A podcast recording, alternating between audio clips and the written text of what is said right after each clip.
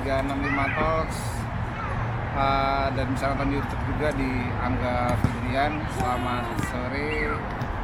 Uh, kali ini saya sama istri saya uh, kita mau kita lagi ada di David David Clinton Park dekat rumah di New York lagi ini sebenarnya kameranya lagi ada di atas telur anak kita anak kita lagi di bawah dia lagi ngeliatin kita lagi ngomong. Nah kita mau ngomongin apa nih? Ya nah, kita mau ngomongin tentang uh, pengajar muda ya. Iya. jadi sekarang itu lagi ada pembukaan pendaftaran pengajar muda. Karena kita berdua adalah pengajar muda jadi bisa mengajar. Jadi kita mau berbagi cerita dan kenapa sih harus daftar gitu ya? Kenapa harus daftar jadi pengajar muda? Saya sih jadi pengajar muda tuh 2000 2012 hampir 10 tahun yang lalu. Anjir tua banget gua. Terus kamu? Aku berangkat itu tahun 2015 atau 16 ya? PM, PM berapa sih PM? 12 PM 12 PM 12 itu berarti 2015 15 ya 2015 jadi saya di uh, 2016 deh kayaknya. Pas pilkada ya pilkada di Papua apa di Jakarta? Di Papua. Jadi 2016 17 dari berangkat. Ya 2016 2016 berangkat. 2016 berangkat terus pulang 2017 berarti ya? Iya. Nah saya itu ada di season pertama. Jadi jadi dulu saya mengajar itu sudah punya dua season. Kayaknya mau mau tiga season deh ini. Tiga season gak hebat bahasa gue tapi uh, saya ada di lima tahun pertama. Uh, waktu itu di saya jadi PM 5 di Tulang Bawang Barat Lampung. Di tahun ketiga di sana di Tulang Bawang Barat. Lampung mohon maaf ada distraksi-distraksi karena ada anak saya jadi kita sambil jagain dia. Nah saya ada di lima tahun pertama di di Tulang Bawang Barat. Istri saya di season kedua ya berarti kamu di PM pertama di di mana? Di Yapen Kabupaten Kepulauan Yapen Kabupaten Kepulauan Yapen di Papua. Ah.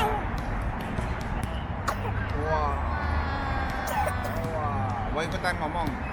Mau ikutan muncul. Hmm?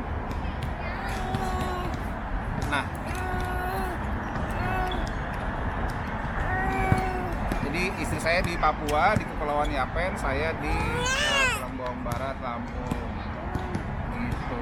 Nah yang kamu kenapa daftar jadi pengajar muda? Kenapa daftar jadi pengajar muda? Sebenarnya jadi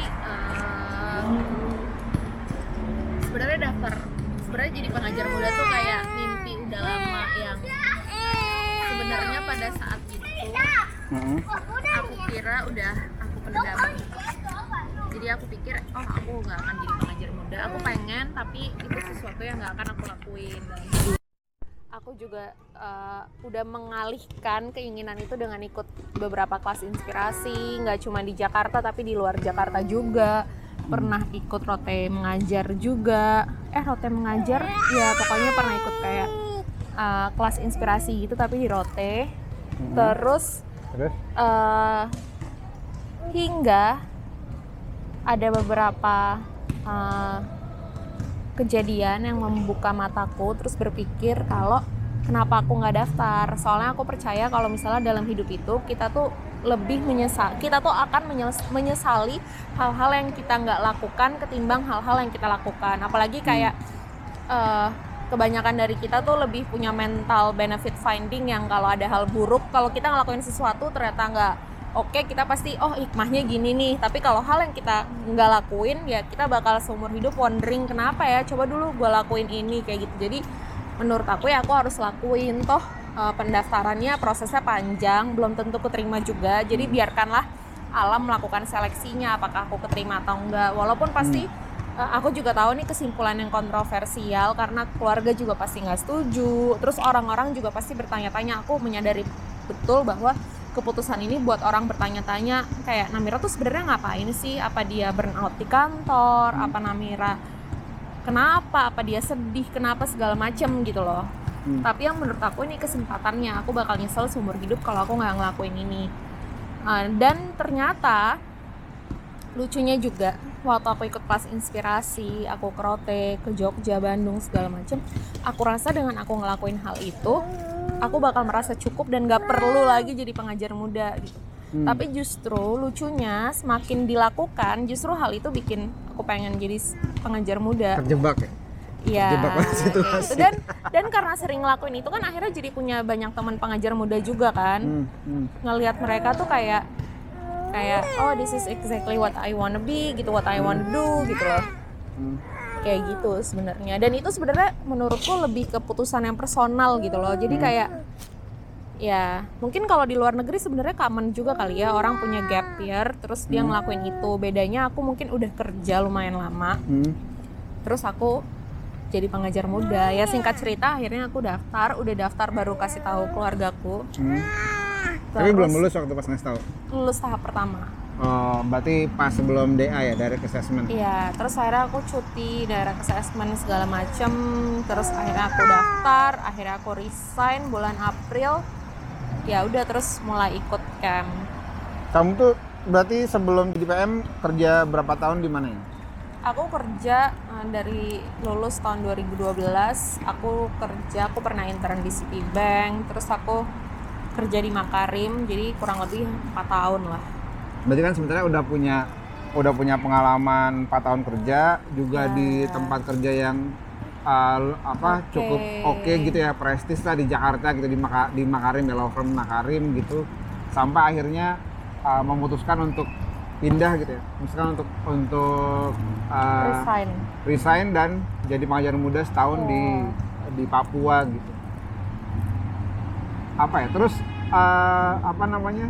Selama jadi maksudnya kan itu keputusan yang cukup cukup beresiko sebenarnya ya. iya iya Pergi ke eh, Indonesia mengajar, terus ke Papua ngajar dan pulang belum tentu punya punya dalam tanda kutip Pegangan, iya gitu. se seoke itu gitu. Tapi apa yang di di di apa ya apa yang membuat hasilnya ya udahlah itu selain tadi ya selain eh, harus ngambil hal yang yang apa tadi kita lebih menyesali apa yang tidak kita lakukan kan gitu ada yang Iya. membuat itu jadi jadi lebih berharga bukan berharga ya lebih lebih oh iya untung gua ngambil nih gitu. untung Oh, gua jadi pengajar muda jadi selain membunuh rasa penasaran itu ada apa lagi gitu ya Hmm.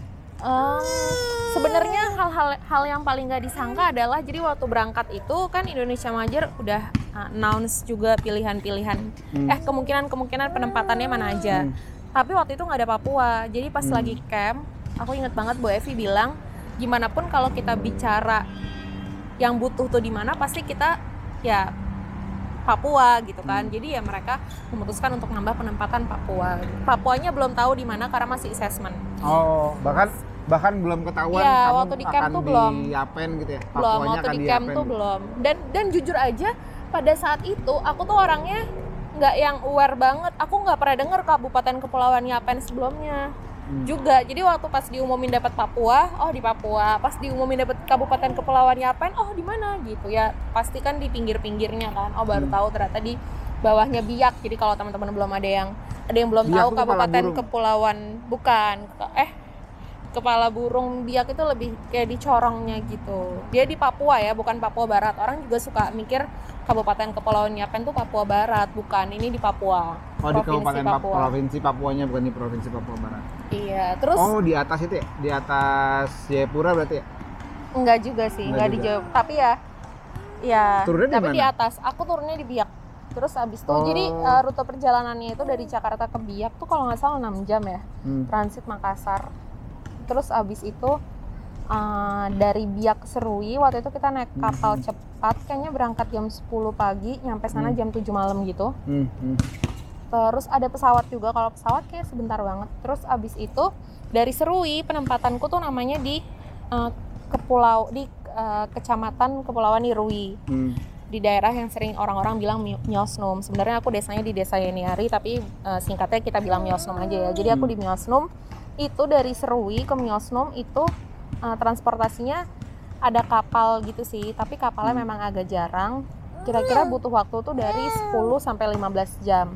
Tapi waktu dari zaman Serui dari Serui. Waktu aku dulu tuh mereka biasa berangkatnya malam namanya kapal Papua Baru tapi itu jarang banget sekarang kayaknya udah nggak jalan deh dan itu kayak bisa tiga minggu sekali atau dua minggu sekali nggak ada jadwal tetap Hmm. dia rutenya dari Jayapura Serui terus dia mampir ke beberapa desa ke Miosnum juga terus dia sampai nanti ke Biak eh ke Manokwari gitu terus eh, atau enggak bisa nebeng kapal nebeng perahu masyarakat aku sering nebeng perahu Hmm. masyarakat kayak nelayan yang lagi jual ikannya ke kota atau Hmm. segala macam itu mulai dari aku pernah kayaknya 7 jam 8 jam Hmm. terus waktu itu sama tim Lentera Indonesia waktu aku pulang dari Hmm. Miosnum terakhir kalinya Oh, bisa dicari di Lentera Indonesia eh, liputan istri saya ya. atau eh, aku bahkan pernah rekorku dua hari pulang Naik kapal. naik perahu masyarakat. perahu Jadi aku masyarakat. naik temen kita udah nggak pulang karena susah banget karena saking jauhnya dari desaku ke eh, Serui itu. Jadi kayak orang desaku jarang banget ke Serui Hmm. karena mahal kan. Dan kadang-kadang aku juga harus considerate misalnya aku mau nebeng pak camatku tapi kepala distrikku. Tapi kepala distrikku kayak perahunya kecil banget udah penuh dan memang ada orang yang mendesak harus pulang. Aku nggak bisa ikut kayak Hmm. gitu loh. Jadi aku akhirnya hari itu ikut sama temenku yang desanya di ses- seberang pulauku kayak dua jam gitu naik perahu. Dia nebeng dan perahu itu kecil banget cuma muat kayak badan kita. Dulu aku lebih kurus dari ini ya jadi tapi bener-bener perahunya kecil banget. Perahunya kecil dia juga bawa banyak barang karena dia punya warung. Hmm. Suami istri gitu terus aku sama temenku waktu jalan tuh seru banget kita masih foto-foto segala macam tapi ternyata perjalanannya kita harus nginep-nginep sampai totalnya dua hari Nginep-nginep tuh karena karena Cuaca. hujan karena cuaca Oh. gitu tapi mereka tuh pelaut-pelaut yang jago jadi kayak aku sama temenku kayak oh kita nggak usah ragu kalau mereka yakin mereka pasti bisa karena Hmm. gimana pun ya itu bidangnya kan iya iya iya. nah anyway menjawab pertanyaan tadi sebenarnya kalau ditanya nah oh ya kenapa aku ngejelasin tentang Papua ini karena uh, salah satu hal yang paling aku syukuri juga dengan ditempatin di Papua aku jadi tahu Papua gitu loh jadi kenal dan aku merasa bangga bilang "Ah, Papua itu keluargaku aku punya keluarga di sana dan aku merasa senang kalau orang-orang di sana menganggap aku bagian dari keluarga mereka Hmm. karena menurutku Papua tuh nggak cuma indah tapi benar-benar bagian penting dari Indonesia yang ya ya harus we have to experience it buat tahu kayak gimana gitu. Aku jadi setiap orang ngomong Papua ya aku jadi bisa aku jadi punya perspektif yang berdasarkan pengalamanku itu ya. Mungkin aku jadi lebih excited ngobrol tentang Papua kayak ketemu orang-orang Papua. Aku selalu senang kayak di mana pun ketemu orang Papua gitu aku selalu ajak ngobrol. Kayak dan mereka baik-baik banget. Jadi kayak itu sentimental lah bagi aku jadinya Papua itu terus aku juga eh, selain ngasih keluarga Papua itu aku juga jadi belajar banyak sih tentang mungkin secara profesional aku berangkat Indonesia mengajar tuh nggak berpengaruh buat Hmm. uh, CV-ku buat profesionalku mungkin di bidangku uh, kalau aku daftar kerja aku cari kerja juga nggak begitu dianggap tapi atau mungkin nggak dianggap sama sekali dianggap ngapain pergi tiba-tiba lagi kerja kayak gitu nah tapi bagi aku bagi aku secara personal tuh penting banget karena aku belajar banyak. Tadi aku ngelihat Papua itu aku ngelihat masyarakat di sana itu sebenarnya mereka hidupnya hmm, apa ya mereka self sufficientnya tinggi gitu loh Hmm. mereka hidup dengan sederhana tapi mereka bahagia mungkin dulu aku ke sana dengan perspektif ih kenapa sih mereka cukup merasa nang mereka merasa cukup dengan nangkep ikan hanya segini. Kenapa mereka nggak nangkep ikan lebih banyak? Terus mereka jual ke kota nanti mereka jadi lebih banyak uang. Anda. gitu misalnya dulu aku mikirnya dulu aku mikirnya kayak gitu. Tapi ternyata begitu aku ke sana aku ngelihat sendiri aku jadi berpikir Hmm. ya sebenarnya nggak nggak apa-apa nggak Hmm. kayak gitu. Kalau mereka mereka merasa cukup dengan nangkep ikan segitu tinggal di situ uh, dan hidup begitu ya itu bagus. Mereka punya perasaan itu dan uh, dan ya aku lama-lama harus lama-lama aku merasa perlu belajar untuk kayak gitu ngerti nggak? Kamu kayak gitu nggak sih? Maksudnya ya dulu sih Saya aku sudah sosialis dari awal. kalau aku dulu perspektifnya kayak gitu. Dulu tuh aku ke sana mikir kayak muridku cita-citanya kayak aku pengen murid-muridku jadi lawyer juga dong. Kayak aku kenapa nggak ada yang mau jadi lawyer kayak ibu guru gitu? Kenapa nggak ada yang mau jadi presiden? Tapi setelah aku pikir-pikir ya nggak harus. Hmm. kayak mungkin orang lain udah punya banyak perspektif kayak gini sebelum berangkat tapi bagi aku di sana aku jadi mikir kayak gitu. Dan bagi aku hal kayak gini tuh penting ternyata dalam hidup. Yang aku pengen nanti anakku juga punya. Untungnya aku nikah sama kamu yang juga aku rasa punya nilai-nilai kayak gini. Promosi suami. Nah kayak gitu aku mikir muridku mau jadi nelayan jadi kayak ada dulu muridku mau jadi nelayan ya nggak apa-apa gitu. Lama-lama aku mikir ya udah murid gue nggak apa-apa jadi nelayan tapi gimana mereka jadi nelayan yang pinter yang jujur yang punya integritas yang mereka bisa uh, mancing dengan efisien segala macam maksudnya mereka melakukan yang terbaik apa pun Iya, itu gitu iya, loh. iya. jadi kayak aku terharu banget. Aku pernah nanya cita-cita muridku ada muridku yang uh, aku ceritain ini di blog Indonesia mengajar. Terus dia bilang cita-citanya jadi nelayan terbaik. Hmm, hmm. Bagiku tuh hmm, aduh Yes. anakku bagiku tuh penting kayak apa pun yang lo lakuin ya udah lo jadi yang terbaik di situ kayak gitu nggak masalah apa pun itu gitu loh Hmm, hmm. sebenarnya kayak gitu deh kayak mereka kan di sana tuh banyak tengkulak gitu misalnya Iya, iya. kayak gimana sebenarnya mereka tuh bisa loh menghapus si tengkulak itu mereka lakuin sendiri gitu bukan Hmm. untuk kaya tujuannya tapi untuk ini kan daerah mereka ikan mereka segala macam kayak mereka bisa eh, lebih apa ya sebenarnya itu aja sih mereka bisa kayak di desaku tuh jarang yang sekolah keluar jadi sarjana segala macam oh mungkin udah saatnya mereka punya eh, dokter dari situ gitu kan. Di desaku juga nggak ada dokter. Kalau mau dokter ke dokter kayak harus berapa jam ya berarti? Kayak gitu loh harus jadi pindah pulau dong kalau mau harus pindah pulau. Ada mantri aja sih sama bidan. Gitu. Kayak gitu kayak gitu sih menurutku hal-hal yang penting. Apalagi ya sebenarnya banyak sih kalau ditanya-tanya kayak tentunya buat aku juga belajar banyak tentang hidup kemandirian. Yang mungkin aku kalau di Jakarta selalu dimanja. Untuk di sana kesehariannya aku harus Hmm. ngelakuin sendiri kayak gitu kan. Dan berarti kan selain selain kayak tadi apa namanya eh, ngu- CV ya kalau itu mah udah lah ya gitu. Maksudnya semua orang punya punya motivasi memperbaiki CV-nya segala macam. Tapi Iya. ya ada yang bermanfaat ada yang enggak gitu. Enggak enggak semua. Iya kalau in my case Ketika- mungkin nggak begitu iya manfaat. enggak semua ke- ketika masuk Indonesia mengajar akan memperbaiki CV-nya tapi memang yang paling penting tadi ya me- membongkar perspektif kotanya gitu kan. Maksudnya iya kalau kita ada di hidup di kota gitu dengan perspektif kota ya nyarikan sebanyak-banyaknya buat dapat keuntungan sebanyak-banyaknya supaya bisa beli handphone gitu misalnya. Supaya Iya. bisa beli mobil gitu misalnya. Iya tapi iya. lihat ada orang di sana yang ya udah cukup buat apa namanya beli dapat ikan dua buat di ibaratnya dapat ikan setengah kilo gitu tapi bisa sebagian dijual buat beli beras sebagian lagi buat dimakan tuh udah cukup gitu kan iya itu kan perspektif yang nggak nggak nggak umum di di kota kali ya gitu Iya benar-benar. Atau ya hiburannya sekedar uh, duduk-duduk ngelihat di para-para gitu terus ngelihat laut. Ya, Kayak itu juga jadi hiburanku banget. Sore-sore main sama anak-anak sampai aku hitam banget. Kayak gitu orang-orang kayak hitam banget, hitam banget. Ya emang hitam banget sih, tapi aku juga happy banget kayak kan gitu juga loh. di pinggir laut kan tinggalnya Iya. Hmm, Kayak gitu sih sebenarnya. Apalagi ya yang tadi aku udah nggak tuh ada kepikiran pakai sunblock kan ya maksudnya iya setiap hari kayak habis gitu juga sunblockku. Terus em, terus apa ah, nih terus yang yang ah, maksudnya di sana ketemu ada ada peristiwa yang sangat sangat apa ya life changing gak gitu ngubah sudut pandang ngubah ngubah perspektif gitu peristiwa sesuatu sama murid sama guru sama masyarakat yang tadi sih yang aku bilang ada anak yang pengen jadi nelayan terbaik nelayan terbaik gitu.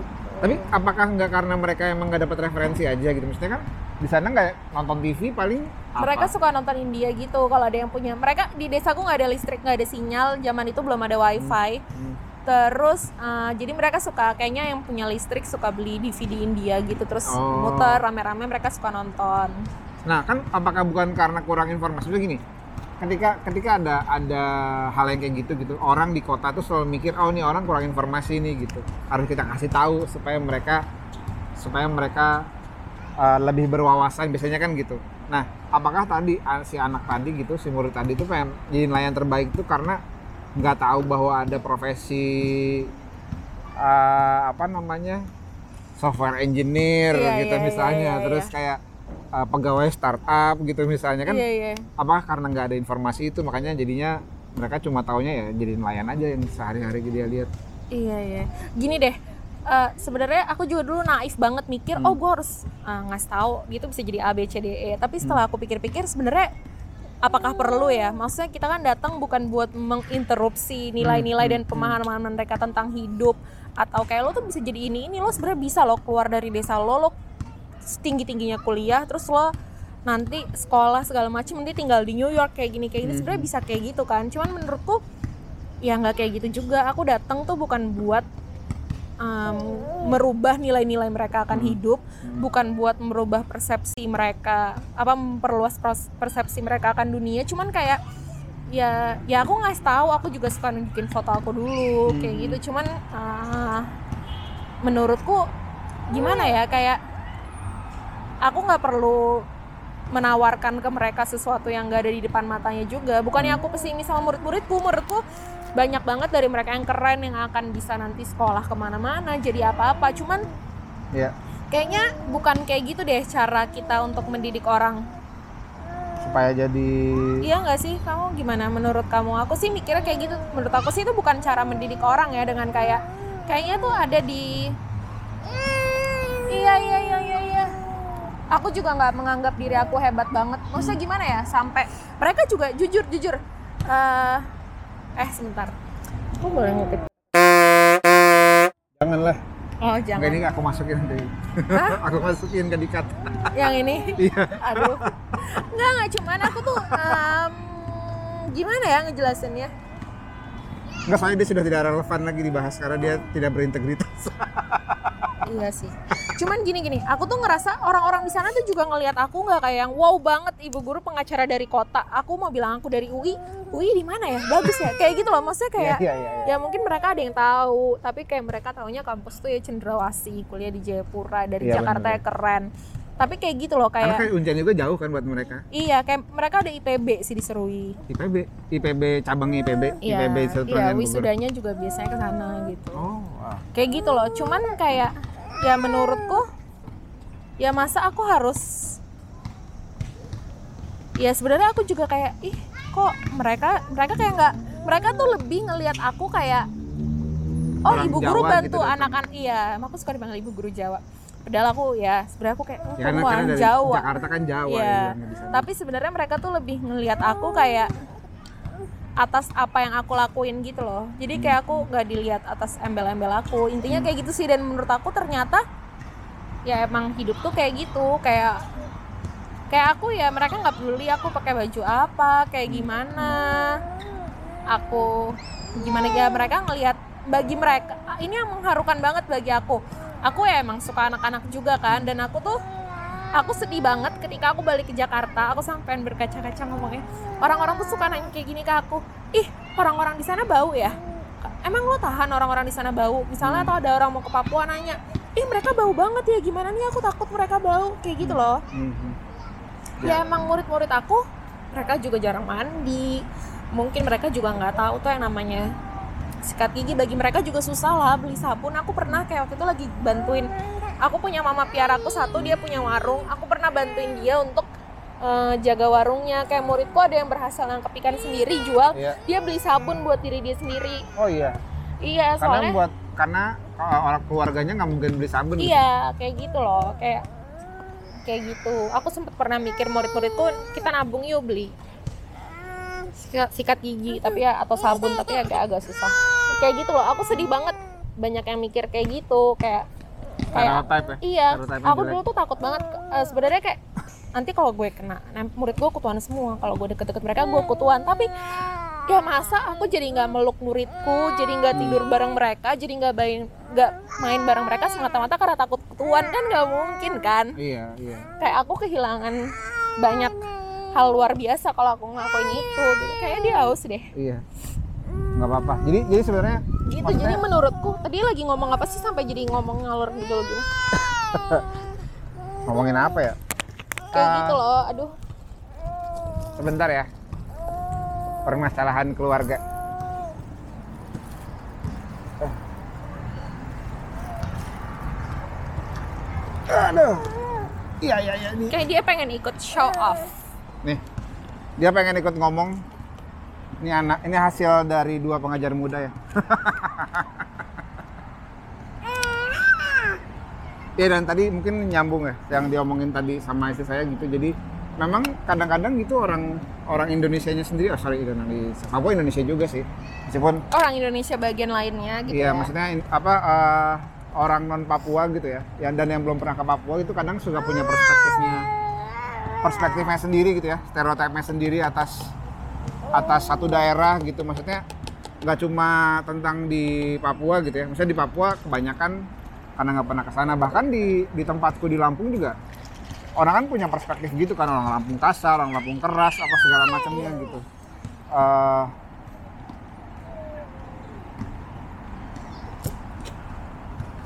mereka punya punya sudut pandang tertentu gitu atas atas daerahnya gitu ada- atas satu daerah lah gitu dan suatu suatu kelompok masyarakat gitu makanya itu yang jadi hal yang penting juga ketika ikut jadi pengajar muda tuh kita punya perspektif baru gitu ya lihat masyarakat tuh jadi jadi nggak nggak segitunya ya di, di Papua ya di di mana pun gitu nah terus after itu after pulang Eh tapi kan tadi aku belum jawab pertanyaan kamu deh. Tadi kamu nanya apa sih sampai aku ngebahas kayak gitu?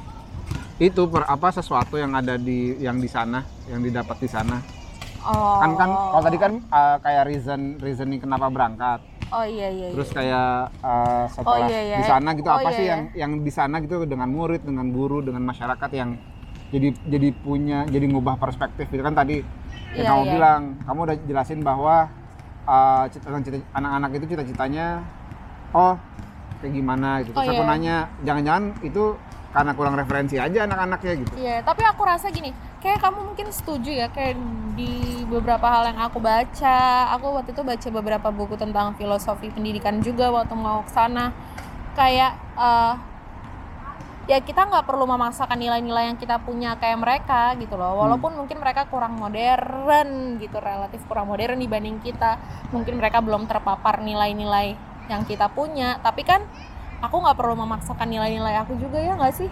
Kayak aku mikirnya aku kayak gitu, jadi kayak yang ya, penting kan nilai dasarnya kan dia jujur Iya, apa iya. inter- jujur gitu nggak nggak nyontek nggak curang gitu ya Eh, Iya.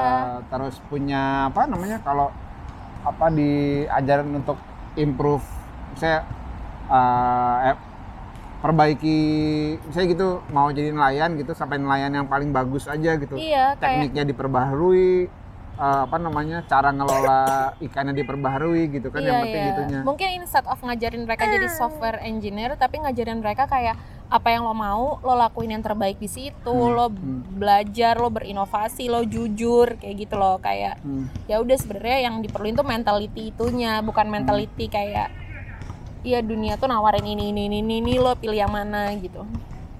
Hmm. Ya nggak sih?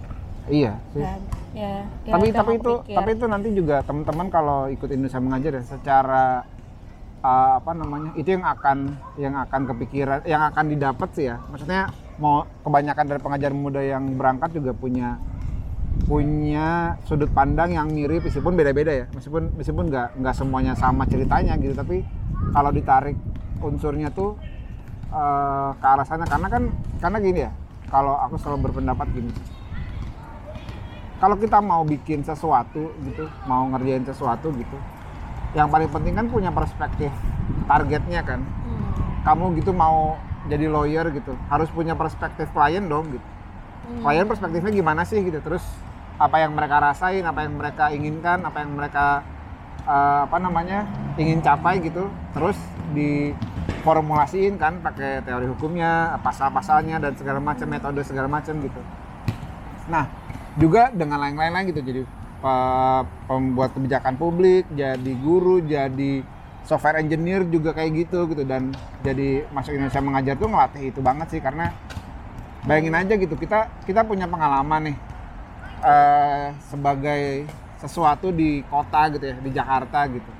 Terus datang ke sana lihat orang yang nggak punya apa namanya nggak punya ya, Yang beda lah yang sama beda gitu kita. kita nggak ngerasa bahwa eh, nggak harusnya harusnya nggak kayak gini gitu terus kita Iya. mau mau doing something padahal ya mereka nggak butuh-butuh amat gitu kan Iya betul betul. kadang-kadang kan kayak gitu kan dan lucunya sih di saat menurut aku ya di saat kayak gue udah punya ini punya ini di kota misalnya gaji gue udah oke gue udah mandiri segala macem ya menurut aku pas nyampe sana tuh justru jadi merasa kayak gue nggak punya apa-apa gitu loh Mhm. kayak ya sebenarnya banyak hal yang penting juga yang gue harusnya bisa tahu dan bisa pelajari. Mhm. gitu sih menurut aku tuh makanya aku bilang itu tuh pengalaman yang lebih personal ke personal menurut aku dibanding profesional entah in my case karena aku nggak merasa itu poin penting itu nggak merasa dipandang banget di pekerjaan aku. Justru selama ini aku dipertanyakan kenapa lo ini gitu kan. Tapi kayak gumah-gumah. Justru ya itu sih. Iya iya karena itu tadi. Justru menurut aku itu kayak perjalanan personal. Dan aku sih bersyukur banget juga aku di sana nemuin temen-temen sepenempatan aku yang berbeda-beda. Aku ada berdelapan kita ada delapan penempatan. Mereka menurut aku super kompak dari seluruh Indonesia juga kemarin juga datang semua ke nikahan kita segala macam dan mereka juga bisa menerima aku apa adanya karena obviously aku pasti paling manja dan paling butuh bimbingan bimbingan. Jadi terima kasih ya teman-teman sepenempatanku, Amel, Vero, Jaro, Deris, Agung, El Rizky. Hmm. Itu doang kan yang ada lagi. Fandi, Fandi. ya lupa. Allah Padahal Fandi paling membantu aku banget, gila. Aku jadi aku juga belajar banyak dari mereka gitu loh. Karena ya ya pokoknya gitu deh. Kayak sebenarnya ya emang singkatnya jadi pengajar muda sesuatu yang harus dilakuin sih untuk tahu. Hmm. aku juga kayak banyak drama ya keluarga aku kan kayak nggak setuju juga kan.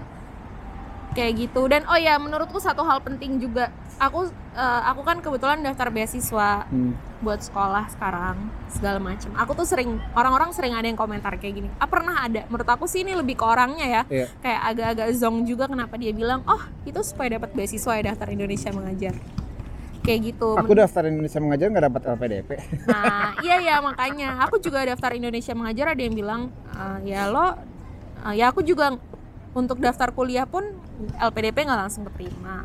Beasiswa lain ada yang nggak keterima. Aku juga nggak ya kalau aku tujuannya daftar itu sih aku udah daftar Harvard, aku nggak daftar universitas-universitas yang Ivy League top tier gitu. Terus udah gitu eh, ya menurut aku tuh pemikiran yang ya semoga yang daftar pengajar muda insya Allah nggak ada yang mikir kayak gitu ya karena nggak semuanya perjalanannya kayak gitu gitu mudah juga mencari beasiswa dan menurut aku ngapain capek-capek jadi pengajar muda kalau mau cuman beasiswa doang tujuannya?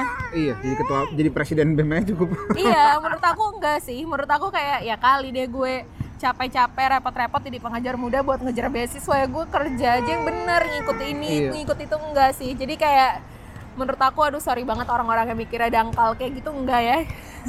Dan please jangan ada yang mikir kayak gitu kalau mau dapet beasiswa Indonesia mengajar tentunya lo akan mendapatkan banyak hal jauh lebih dari sekedar beasiswa atau Iya. S2 ke luar negeri atau ke mana pun yang lo mau lo akan mendapatkan lebih dari itu. Tapi ya nggak sebanding lah ya sama hal-hal itu. Cuman ya belum tentu juga realistisnya realitanya belum tentu juga lo akan dapat beasiswa. Dan pasti kalau niat lo cuman buat dapat beasiswa kayak gitu ya nanti lo akan susah banget di sana karena ya banyak hal-hal menantang yang mungkin akan nggak lo pikir akan nggak sepadan gitu iya karena kalau cuma sekedar beasiswa kita hanya akan mikir bahwa ya udah selesaikan aja pekerjaannya gitu Iya, ini bukan misi loh. Kayak Iya. Indonesia, ya setahun di sana tuh bukan sekedar misi, tapi lebih kayak ke Kenapa mau lihat abang-abang main basket? mau ditaruh mau ditaruh lagi kali oh iya, coba ditaruh lagi. Gitu. ke sini Mas. Gitu sih sebetulnya. Jadi aku juga kayak agak-agak ya kali deh gitu iya kayak. benar karena Tapi kalau sering nggak sih aku kayak beberapa kali loh ada yang orang tahu oh biar dapat beasiswa ya kayak oh lo bakal ikut Indonesia mengajar cuma untuk beasiswa. Enggak, tapi yang kayak, Kayak gitu biasanya orang-orang yang bahkan nggak tahu, nggak pernah involve di kegiatan Indonesia Iya mengajar. sih. Saya Indonesia itu kan ada ada Ruby, ada kelas inspirasi, ada macam-macam iya, gitu. Iya memang pasti banyak juga yang keterima beasiswa dan Iya banyak ini lah, karena kan keren-keren. karena kan eh, beasiswa itu kan melihatnya kan ada yang ini ada A, eh, kita ngambil extra miles gitu kan. Itu kan yang dihitungnya bukan ada Indonesia mengajarnya, nggak selalu Iya iya. karena Indonesia mengajar gitu kan. Ada jadi ketua Karang Taruna juga. Iya sebenarnya bisa. itu bisa bikin nggak? lo dapat beasiswa gitu kan nggak harus Iya, Indonesia iya. mengajar gitu Benar tapi benar benar. orang yang berkomentar seperti itu atau yang melihat bahwa oh ya ikut Indonesia mengajar cuma cuma buat dapat beasiswa pasti belum pasti tidak merasakan gitu nggak involve di kegiatan yang nggak tahu Iya, kegiatannya kayak iya. gimana Em, jadinya ya eh, apa eh, pendek gitu mikirnya "Ah, biar ikut beasiswa ya gitu biar ini itu ini itu ini itu padahal sebenarnya yang tadi udah Betul, diceritain juga bahwa sebenarnya lebih lebih banyak gitu. Dan kalau ngomongin fils- filsafat half full half uh, empty gitu ikut Indonesia mengajar tuh harus uh, kita harus mikir half full gitu bahwa kita udah ada. Nah kesan itu kita mau nambah nambah apa namanya nambah perspektif kan tadi nambah perspektif nambah pengetahuan nambah sudut pandang gitu. Sehingga ketika balik ke Jakarta kita udah lengkap gitu. Iya iya betul. nggak apa namanya kalau kalau half empty kan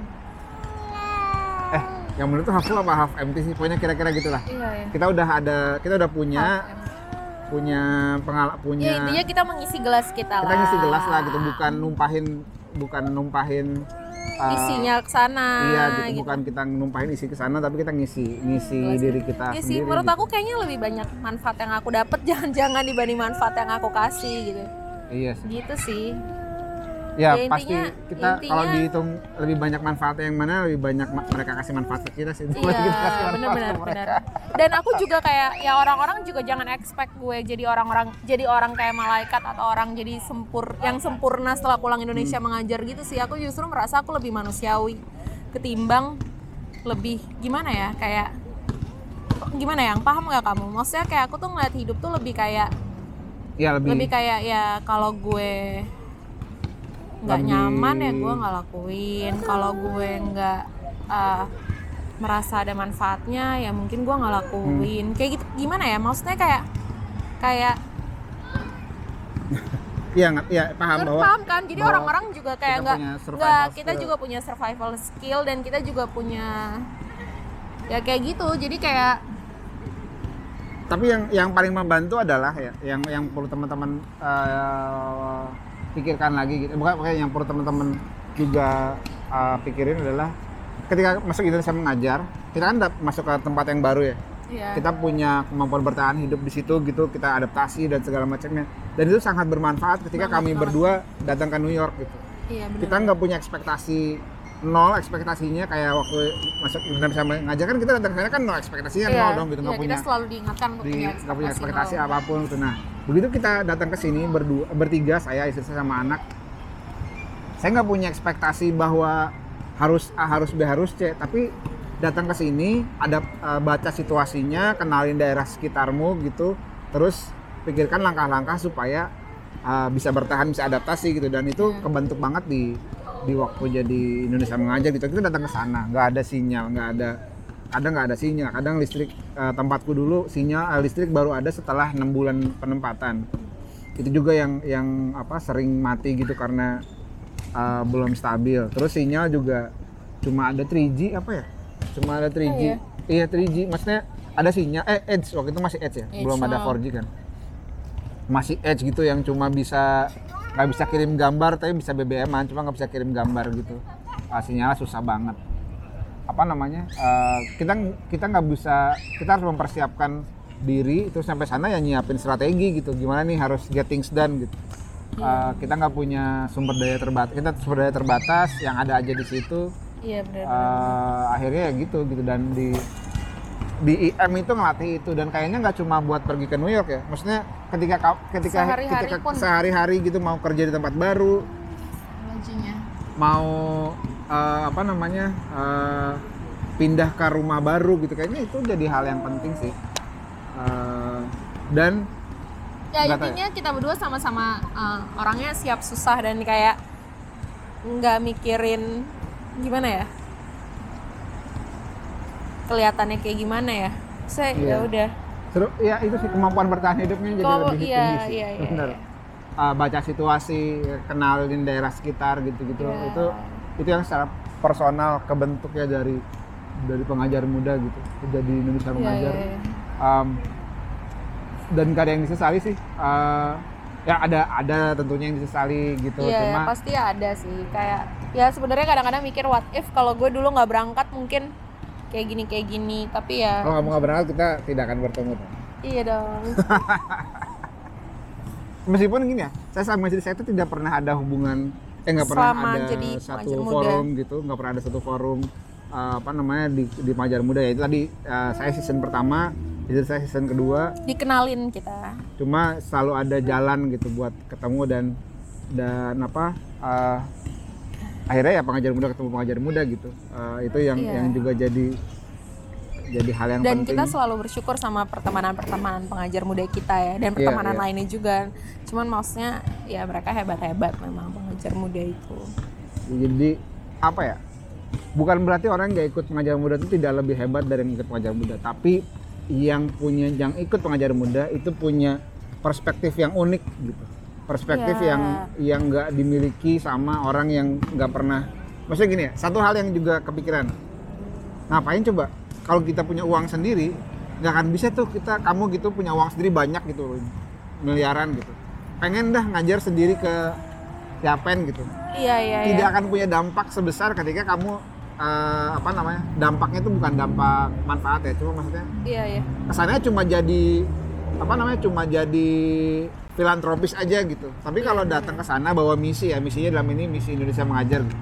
datang ke sana bawa misi orang sana akan melihat bahwa oh ya ini ada orang dikirim sama negara dalam tanda kutip ya. Ah, bukan negara dalam hal ini pemerintah gitu. Dikirim sama negara atas nama negaranya gitu datang ke sana buat ngajarin anak-anak kita gitu. Bukan ini orang ada personal banyak duit eh, Datang buat bantuin datang kita. buat bantuin kita gitu. Pasti perspektifnya beda. Iya, justru kita di sana agak menghindari juga sih seperti yang diajarin untuk kayak kita ke sana tuh bukan buat ngasih bantuan. Iya betul Iya, jadi kayak sesederhana murid-muridku dulu nggak punya pulpen, jadi mereka cuma suka pakai isi pulpen yang ditiup-tiup gitu kalau macet. Walaupun aku punya pulpen nih, ada berapa lusin gitu di tas. Tapi aku nggak bisa aja bagi-bagiin mereka pulpen, nggak sesederhana itu isunya. iya betul Dan ketika aku jadi dulu aku selalu mikir ya kasih aja pulpen, tapi ketika aku jadi pelajar muda aku jadi mempelajari hal kompleks di belakang itu gitu loh. Kalau aku ngasih pulpen nanti mereka akan nganggap aku ibu guru bagi-bagi pulpen. iya betul Mungkin besok yang uh, datang ke sekolah banyak banget karena biasa karena datang pengen ke dapat pulpen karena pengen dapat pulpen. Besok-besok juga pulpennya akan hilang karena pengen dikasih lagi mungkin. Iya. Kayak. Jadi nggak sesederhana itu gitu loh. Aku juga jadi belajar hal-hal kayak gitu. Yang Iya. mungkin gitu sih betul Iya. betul setuju. Oh ya sama tadi aku mau bilang kayak gini sih. Menurut aku juga kita sebagai guru tuh di sana memang dihargain banget ya. Iya, Pastinya betul. aku Pasti. kayak terharu banget gimana mereka uh, ngelihat aku atau aku farewell. Uh, ada satu pendeta yang sebenarnya aku nggak kenal karena dia lagi kunjungan ke sekolahku. Dia dari kota lain. Sayangnya ini nggak kerekam di Lentera Indonesia. Nah dia bilang iya iya iya. Oh iya iya dia mau ngomong. Anak kita mau ikutan ngomong. Iya iya iya. Kamu sebagai anak pengajar muda gimana pendapatnya? Gimana gimana iya iya bapak ibu papi mami aku hebat sekali gitu ya gitu iya sepakat sepakat atau betul betul betul lagi nih terus terus terus Nah, aku terharu pendeta itu bilang sebenarnya dia melihat aku satu hal, aku datang, terus aku sayang sama anak-anak mereka. Kayak jadi pendeta itu ternyata dia tinggal di desa sebelah. Hmm. Jalannya agak susah sebenarnya kalau ke desa sebelah. Jadi aku juga kalau ke sana biasanya sama murid-muridku dan kalau aku datang murid-muridku yang tinggal di sana kayak langsung nyambut gitu. Hmm. Terus kepala desaku bilang ya, dia ngelihat aku, dia terharu, Ibu Namira sudah datang Hmm. dan Ibu Namira sayang sama anak-anak kita. Hmm. Hmm. Nah, bagi mereka tuh hal aku jadi kayak ya aku aku memang salah satu hal yang paling aku banggakan adalah aku sayang banget sama murid-muridku. Hmm, hmm. Kayak aku harap orang-orang yang lihat aku ke sana bisa lihat itu gitu loh. Hmm. Kayak aku tulus sayang sama mereka. Nah, aku tapi itu ternyata penting banget bagi mereka. Hmm. Hmm. Kayak gitu loh, kayak itu hal sederhana yang kita lakuin, pengajar muda lakuin Hmm. dan ternyata bagi mereka tuh sangat amat penting. Mereka merasa dihargai, efeknya panjang gitu loh. Iya, iya, iya. kayak gitu mereka ya mereka nggak butuh kita datang bagi-bagi duit bagi-bagi apa gitu kayak Karena mereka tadi ya dari BKW mereka udah ngerasa cukup sebenarnya sama yang mereka miliki. iya gitu dan kan. ada juga sebenarnya yang seharusnya ngasih mereka bantuan kayak bantuan dari pemerintah segala macam kali ya Iya, cuman maksudku iya cuman maksudku kayak oh mereka tuh butuh orang yang sayang sama anak-anak mereka ya bentuknya banyak nggak cuma sekedar main peluk anak-anaknya tapi juga ngajarin dan lain-lain gitu Iya, iya, kamu disayang kok, disayang. kamu dah. juga disayang bukan kamu disayang kok, disayang. Iya, kamu disayang kok. Jangan protes, jangan protes. kayak gitu gitu loh kayak kayak aku kayak oh itu hal yang nggak pernah aku lakuin kayak gue sayang sama murid-murid gue semoga semua orang lihat tapi setelah orang itu ngomong gue kayak aku kayak ngelihat ke belakang kayak oh iya ya kayak kayak beberapa temanku bilang lo keibuan banget kalau ngajar gitu kayak iya ya kayak gue sayang banget sama anak-anak gue gitu. Iya. Ya, begitu kira-kira ini udah 40 menit. Kayak gitu aduh Ternyata. panjang banget ya Gak apa-apa dong. tapi semoga intinya Semoga ngasih man- intinya- perspektifnya. obviously daftar lah ya itu pengalaman yang nggak akan nggak nggak akan, akan diulang lagi. tergantikan. Apalagi mungkin angkatan-angkatan yang sekarang mikir, wah ini udah angkatan yang mungkin Indonesia mengajar nggak se-booming dulu. Tapi Iya. ingat lo ngelakuin ini ya buat Bukan buat booming atau nggak iya booming. booming atau nggak booming ini perso ini pe- ini pengalaman personal yang sangat amat personal yang lo nggak butuh uh, pengakuan dari luar kayak even kayak aku pernah bilang deh kayak ke kamu even kalau uh, ikut Indonesia mengajar syaratnya nggak boleh tulis di CV nggak boleh di apa ya nggak boleh diutilize buat daftar beasiswa atau buat daftar kerja aku akan tetap ngelakuin. Iya, iya. gitu loh dan aku saking itu tuh pengalaman ya personal yang penting banget dan aku ya makanya maksud aku saking penting saking begitunya ya daftar Iya. Tujuh hari lagi eh, pendaftaran telah ditutup eh, di www.indonesiamengajar.com. Em, apa video ini tidak dibayar, tidak dibayar oleh pengalaman yang tidak sangat diminta kaya. ya. tidak diminta. Ini dibuat dibayar oleh pengalaman yang sangat kaya di didapat di Indonesia Mengajar ada dan tips nggak eh sorry sorry Um, aku motong kamu iya tipsnya apa ya? Tipsnya itu jujur sih ya jujur aku juga mau bilang jujur tipsnya tuh uh, ngomongnya jujur maksudnya gini uh, di Indonesia mengajar itu tidak uh, yang saya pahami gitu ya karena pernah beberapa kali ikut nyeleksi apa uh, anak-anak yang Esai, daftar gitu aku ya saya apa uh, yang dilihat bukan dari seberapa banyak seberapa banyak apa yang kamu lakukan gitu tapi seberapa seberapa kamu mendalami apa yang kamu lakukan gitu. Maksudnya kalau misalnya cuma jadi ketua nggak cuma ya kalau misalnya pengalamannya jadi ketua eh, Karang Taruna di RT gitu. Nah ceritain apa sih yang sudah kamu lakukan di Karang Taruna RT itu sehingga bikin perubahan gitu. Sehingga ada improvement di, di Karang Tarunanya gitu. Jadi bukan karena wah saya sudah jadi presiden BEM saya sudah jadi ketua BEM gitu. Kalau jadi presiden BEM dan ketua BEM nggak nga- ngasih dampak apa pun juga menurut saya nggak akan di nggak akan diterima gitu ya. Tapi kalau jadi ketua Karang Taruna RT tapi bisa ngubah anak-anak RT di situ yang tadinya nggak peduli tapi jadi mau ikut ngebangun RT-nya nah itu punya punya Iya. dampak yang sangat besar. Dan kalau jujur pasti kita bisa cerita itu secara lengkap gitu. Bukan apa namanya eh, bukan apa eh, ngada-ngada gitu. Dan nggak penting kamu aktivis atau bukan. Saya aktivis istri saya bukan aktivis gitu di kampus gitu. Sama-sama keterima keterima aja kok aku gitu. organisasi sih tapi banyak banget. Kamu HMI ya Iya, salah satunya. tapi aku aktif di Asian Law Student Association. Iya, tapi gitu, maksudnya bukan gitu, aktivis yang BEM. bukan aktivis ya yang kalau as in demo, as in apa gitu kayak gitu jadi sih. bukan Tapi- bukan apa namanya nggak peduli kamu Sombong aktivis atau bukan gue. iya dong tapi atau bukan gitu eh, ik- ikut aja daftar aja Iya, gitu iya. Eh, eh, yang penting tadi punya cerita bahkan even kayaknya nggak nggak punya cerita apa pun tapi punya nggak punya pengalaman apa pun tapi punya hal yang ngubah diri sendiri gitu Iya, benar. Eh, saya tadinya ngerjain skripsi malas-malesan terus ada hal yang ngubah diri supaya akhirnya jadi rajin ngerjain skripsinya dan itu bisa diceritain dengan baik kayaknya Iya, iya. itu juga bisa punya bisa diterima di Indonesia mengajar gitu jadi Iya, benar. yang penting jujur dan ceritakan sebaik sejelas-jelasnya apa yang uh, peru- cerita perubahan yang dimiliki gitu Iya. Em, itu sih yang bikin Jadi jangan berkecil hati juga. Oh, gue nggak pernah ikut organisasi atau punya jabatan apa atau kayak gimana nggak pernah pertukaran pelajar atau kayak gimana Iya, enggak iya, enggak enggak iya. bukan Betul. itu isunya kok Pertukaran Tenang pelajar aja. kalau cuma datang ke sana ya nggak ngapa-ngapain juga nggak akan bisa ngubah apa pun dan nggak ngubah diri nggak ada per- perubahan apa pun juga nggak akan ada Iya. manfaatnya gitu ceritanya. jadi tenang aja Jadi tenang aja. Ah, jangan lupa tujuh hari lagi daftar di www.indonesiamengajar.org. Em, nggak akan apa namanya nggak akan rugi lah gitu eh, daftar jadi pengajar muda dan ikut jadi apa namanya jadi punya eh, sekarang ada berapa sih alumni seribuan lebih? Iya lebih nggak ya nggak tahu lebih ya lah mungkin kayaknya. segitu Pokoknya belum gue- lagi eh, yang lain-lain kegiatan yang lain lain-lain. kayak kelas inspirasi Ruby Kelas dan Inspirasi, lain-lain Ruby dan lain-lain gitu. Itu pokoknya pasti punya manfaat buat Indonesia, buat kita sendiri gitu. iya salam sampai jumpa terakhir eh terima kasih eh, apa sudah nonton dan dan kalau misalnya ada teman yang dikenal dan ragu buat daftar bisa dibagiin video ini sih buat mereka. Paling nggak dapat gambaran iya. kira-kira mau baik untuk ngapain. yang sekarang atau mungkin pendaftaran selanjutnya. Iya. begitu eh, terima kasih teman-teman sudah men- menyaksikan 40 berapa nih 50 menit Atau ada yang menyaksikan basket di belakang kita kelihatan lebih, lebih menarik basket di belakang kita daripada atau lebih menarik anak kita daripada pengajar muda cilik ya pengajar Iya. cilik Ya udah nanti sekalian jalan-jalan ke tamannya kali ya kita kasih lihat sedikit. Ini Iya. taman terdekat dari rumah kita ya? tadi udah ngambil sih Oh tadi udah ngambil Jadi, gambar. tadi bisa di insert lah dimasukin Oke, karena udah mau hujan udah gelap banget udah gelap banget. Eh, saya Angga Putra Fitrian dan istri saya. Namira Sagaf, saya pengajar muda 5 di Tulang Bawang Barat. Saya pengajar muda 12 di Milsnum, Kabupaten Kepulauan Yapen. Dan anak kita, mengajar cilik penempatan New York.